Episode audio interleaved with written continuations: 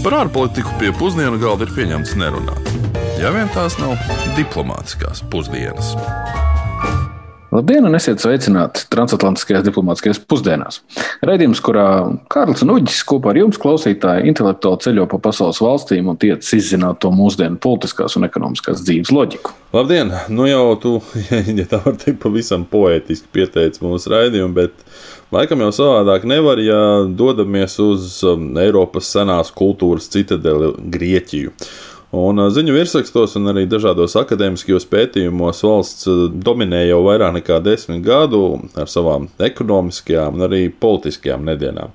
Un par tām tad šodien arī parunāsim vairāk. Runājot par eh, ziņu virsrakstiem, eh, vien pirms dažām dienām arī Latvijas ziņu telpā Grieķijas vārds izskanēja ļoti skumīgu pieskaņu, jo mūžībā devās Latvijas vēstnieks Grieķijā, eh, Pēters Kārls Alferts. Šis redzējums varbūt tās varētu būt tāds kā veltījums arī Pēterim, kuru man ir bijis tas gods pazīt kā izcilu Latvijas diplomātu un ārpolitikas speciālistu. Jā, līdzjūtība arī no manas puses, bet nu pievēršamies mūsdienu Grieķijai, jeb Helēnijas republikai, ko gan latviešu valodā mēs mēs lietojam ļoti reti.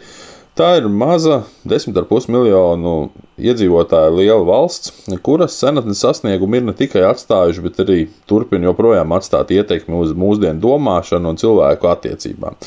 Un grieķu zinātniskie un filozofiskie sasniegumi vēl joprojām ir pamats mūsu dzīvē ne tikai pašā Grieķijā, bet arī Latvijā un ļoti daudzās pasaules valstīs. Nu, šeit, protams, ja mēs patiesi runājam par demokrātiskajām valstīm. Nu, mēs esam uh, daudz dzirdējuši par aizdevumu programmām Grieķijai, un kā Eirozonas valsts arī esam cieši bijuši saistīti ar šo faktu. Um, lai būtu skaidrs, tad sākot ar 2010. gadu Grieķija noslēdz trīs glābšanas nolīgumus, kur kopējā vērtība ir apmēram 300 miljardi eiro. Taču kopš 2018. gada augusta Grieķijai netiek piemērota papildus uzraudzība. Tā kā šajā gadījumā, teiksim tā, akūtās, akūtās Grieķu finanšu nedienas ir, ir ir aiz muguras. Bet um, ko par Grieķiju zina un sevišķi arī domā mūsu klausītāji, to devās skaidrot Ulrichs Česbers. Ar ko jums asociējas Grieķija?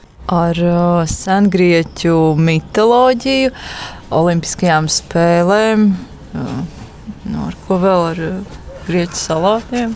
Grieķija man asociējās ar karstiem laikapstākļiem, ar, ar seno vēsturi. Vēl ar grieķu futbolistu Gekas, kurš mums tik daudz ir sāpinājis, un no pēdējā laika aktuālākiem ar ekonomisko un bēgļu krīzēm.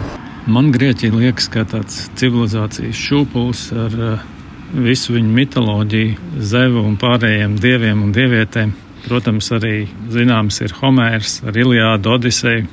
Mūsdienu Grieķija vairāk asociējas ar turismu salām, arī ar bēgļiem kas dažādā veidā cenšas iekļūt Eiropas Savienībā, izmantojot Grieķu salas, kā arī ar saspringtajām attiecībām ar Turciju. Valsts ar ļoti senu un izcilu vēsturi, dziļām kultūras tradīcijām, protams, saule un ūdens, kurorti un vispārējais. Nu, mūsdienās droši vien jau ar visām tām valstiskajām finanšu problēmām droši vien asociējas ar tādiem kā Eiropas parādniekiem, kam patīk dzīvot tā, kā viņi ir dzīvojuši un dzīvot labi uz um, citu rēķina. Grieķija man saistās ar bezrūpīgu attieksmi pret dzīvi, kas Grieķiem palīdz tikt galā ar visām grūtībām. Un, protams, Grieķija saistās ar demokrātiju un olimpiskajām spēlēm.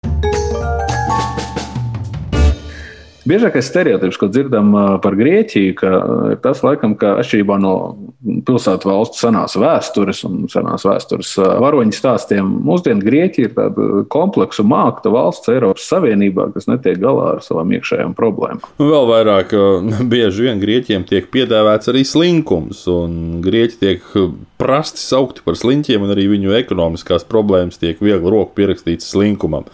Nu, pati Grieķija visasākos vārdus šajā ziņā velta Vācijai, bet arī latviešu žurnālisti savulaik ir, nu, ja tā var teikt, paspīdējuši ar šādiem jautājumiem, kāpēc grieķi ir slinki, piemēram, vēršoties pie goda konsula Grieķijā. Nu, tas arī bija jau tiek uzskatīts par tādu kā kauna traipu latviešu žurnālistikai.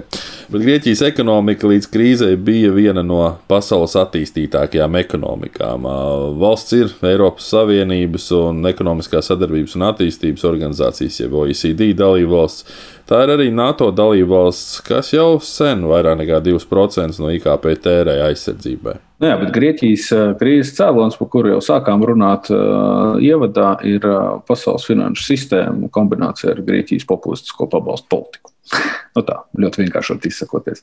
Jo, respektīvi, politika pirka balsis ar valsts pabalstiem, bet viņiem gatavi aizdot bija pasaules lielākās investīcijas. Nu, bankas pērkot uh, Grieķijas valdības parādības.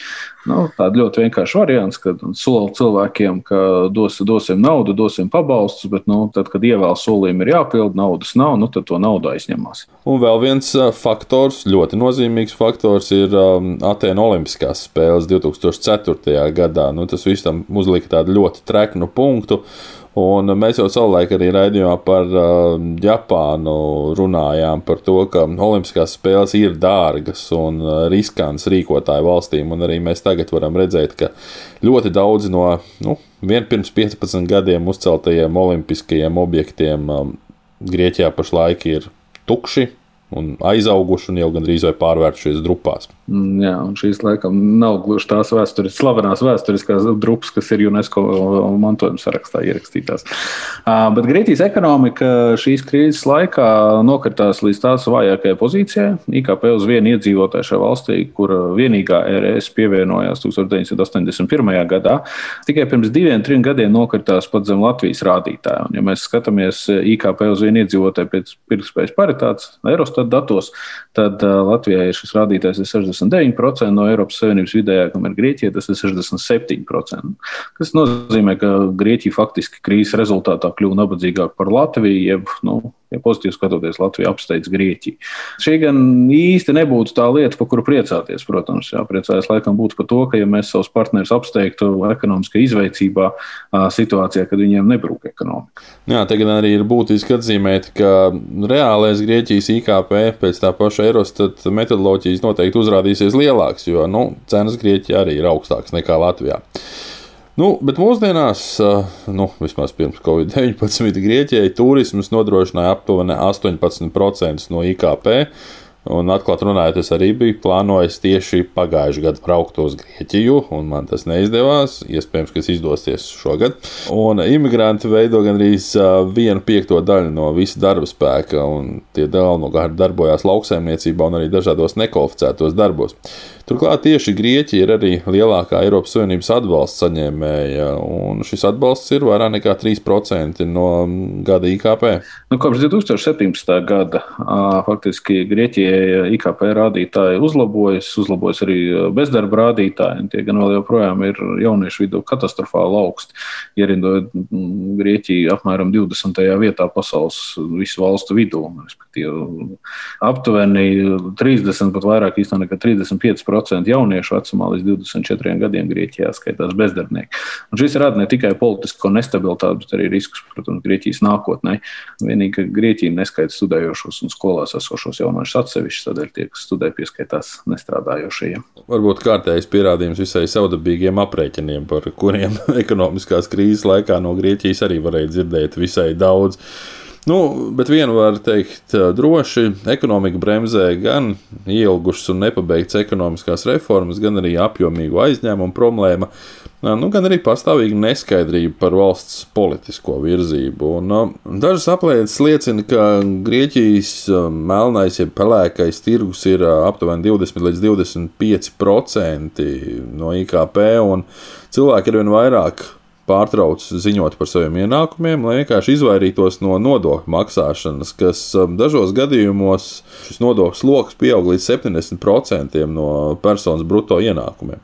Nu jā, nu te gan laikam arī līdzības ar Latviju ir uh, diezgan redzams, jo pēc uh, mūsu kolēģu aprēķiniem arī Latvijas pelēkais uh, tirgus pelēkais sektors ir apmēram 23% apmērā. Tā kā nu, no grieķiem neatpaliekam. No politiskā skatu punkta raugoties uz mūsdienu Grieķiju, arī situācija nav pilnībā vienkārša. Grieķija 1830. gadā ieguva neatkarību no Osmaņu impērijas. 1967. gadā militāristi sagrāva varu un izveidoja diktatūru. 1974. gadā pēc diktatūras sabrukuma Grieķijā tika izveidota republikas pārvalde, jo arī monarhija faktiski tika atcelta. Jā, un Grieķija patiesībā ir unitāra valsts, līdzīgi kā Latvija. Tikai Nu, Grieķija šo izvēlējās saistībā ar faktu, ka valstī pieder aptuveni 6000 salu, nu, lai gan tikai nedaudz virs 250 ir um, apdzīvots. Nu, starp citu, vēl vairāk, līdzīgi arī kā Latvijā, apmēram trešdaļa iedzīvotāji dzīvo galvaspilsētā, Atenās. Nu, Rīgas, Rīgas gadījumā ir līdzīga situācija. Tā, starp citu, Atēnas ir arī vecākā Eiropas galvaspilsēta. Nu, ņemot vērā, ka pilsētas teritorija ir bijusi pastāvīgi apdzīvota vismaz 7000 gadus, un Atēnu vēsture ir vismaz 3400 gadus sena, nu, to, tas to arī padara par vienu no vecākajām pilsētām pasaulē. Bet šis viss ievadam par mūsdienu Grieķijas politisko loģiku, ilgušās ekonomiskās krīzes, militārās huntas pieredzi un, visbeidzot, arī Covid-19 krīze ir šai demokrātijas citadelē likusi kļūt par mazāk brīvu sabiedrību un politiķiem izmantot situāciju brīvību ierobežošanā. Nu, nav jau arī gluži tā, ka Grieķijas oriģinālā demokrātija bija tik liberāla kā mūsdienu demokrātijas. Nu, piemēram, tikai vīriešiem ar īpašumu bija vienlīdzīgas viedokļa tiesības, nu, pārējie neskaitījās. Uh, bet kādi tad ir šī brīža izaicinājumi, par kuriem tu runā? Par to mēs vaicājām arī doktorai Filipai Kacis-Stavru, uh, Atēnu Universitātes politikas zinātņu un starptautiskās politikas docentei un arī Helēniešu Eiropas un ārējās politikas fonda pētniecei. Okay, actually, we had three memorandums, okay, three structural programs. And, uh, after the, the, the third one, um, Mums bija trīs palīdzības programmas, un kopš pēdējās programmas beigām Grieķijai ir piemērots jauns ietvers. Tas nav tāds pats kā Francijai, Vācijai vai Latvijai. Šis ietvers paredz striktu uzraudzību. Lai arī jūs vairs neesat programmā, jūs tiekat ļoti rūpīgi kontrolēti gan fiskālo, gan ekonomisko rādītāju ziņā. Tāpēc es arī negribētu lietot jēdzienu ekonomiskā atveseļošanās, jo, manuprāt, tāds Grieķijā īsti nav. Protams, Eiropas Savienībai patīk izmantot šādu jēdzienu. Arī pēc Covid glābšanas plāns visi šie termini ir ļoti jauki un optimistiski, taču ekonomiskā realitāte rāda kaut ko pilnīgi citu. Manuprāt, Grieķijas situācija ir ļoti sarežģīta, jo milzīgā parādu krīze un veids, kā mēs mēģinājām pārvarēt tās negatīvās sekas, radīja milzīgus struktūrālus izkropļojumus. Vēl pirms krīzes Grieķijai vienmēr vienmēr ir bijusi konkurētspējas problēma, un vienmēr ir bijis grūti definēt, kurš tad būtu tas produktīvākais darbības modelis. Ekonomiskā krīze kalpoja kā visu šo problēmu pātrinātājs. Tagad mums ir milzīgas struktūrāls problēmas arī Eiropas Savienības līmenī, un arvien biežāk akadēmiķu vidū parādās diskusijas par Eiropas Savienības centru un perifēriju. Tas ir vecs marksistu termins, kurš atkal ir ieguvis savu nozīmīgumu. Man pašai šis dažādo sociālo un ekonomisko atšķirību koncepts liekas ārkārtīgi nozīmīgs, jo, manuprāt, Eiropas Savienība arvien vairāk pieņem domu, ka mums būs otra Eiropa jeb perifērija. Un šīs perifērijas valstīm - Grieķijai, Portugālei, Spānijai, arī Itālijai - spēles noteikumi būs diezgan atšķirīgi. Un valdošā elite Grieķijā patiesībā ir pieņēmusi šo jauno vienošanos. Šī ir klusā vienošanās, kuru jūs nekad īsti neredzēsiet uz papīra vai kādā oficiālā ziņojumā vai dokumentā. Visu šo situāciju pastiprināja pandēmija, tāpēc mēs varam teikt tā. Ekonomiskā krīze plus drošības krīze migrācijas problēma dēļ, plus Grieķijas un Turcijas attiecību sāsināšanās, plus pandēmija Tas viss kopā ir ļoti daudz. Tas, ko mēs redzam pašlaik Grieķijā, ir sociālo apstākļu strauja pasliktināšanās ļoti lielam skaitam iedzīvotāju, un nabadzībā dzīvojošu cilvēku skaits visu laiku pieaug. Es nedomāju, ka arī jaunā palīdzības plāna mērķis ir atrisināt visus šos jautājumus.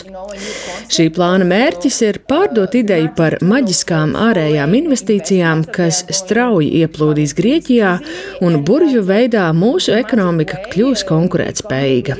Jā, tas ir ļoti jauks narratīvs, taču skaitļi mums stāsta kaut ko pavisam citu. Are, are. Lai cik būtu paēdis, vienmēr ir vieta arī desertam.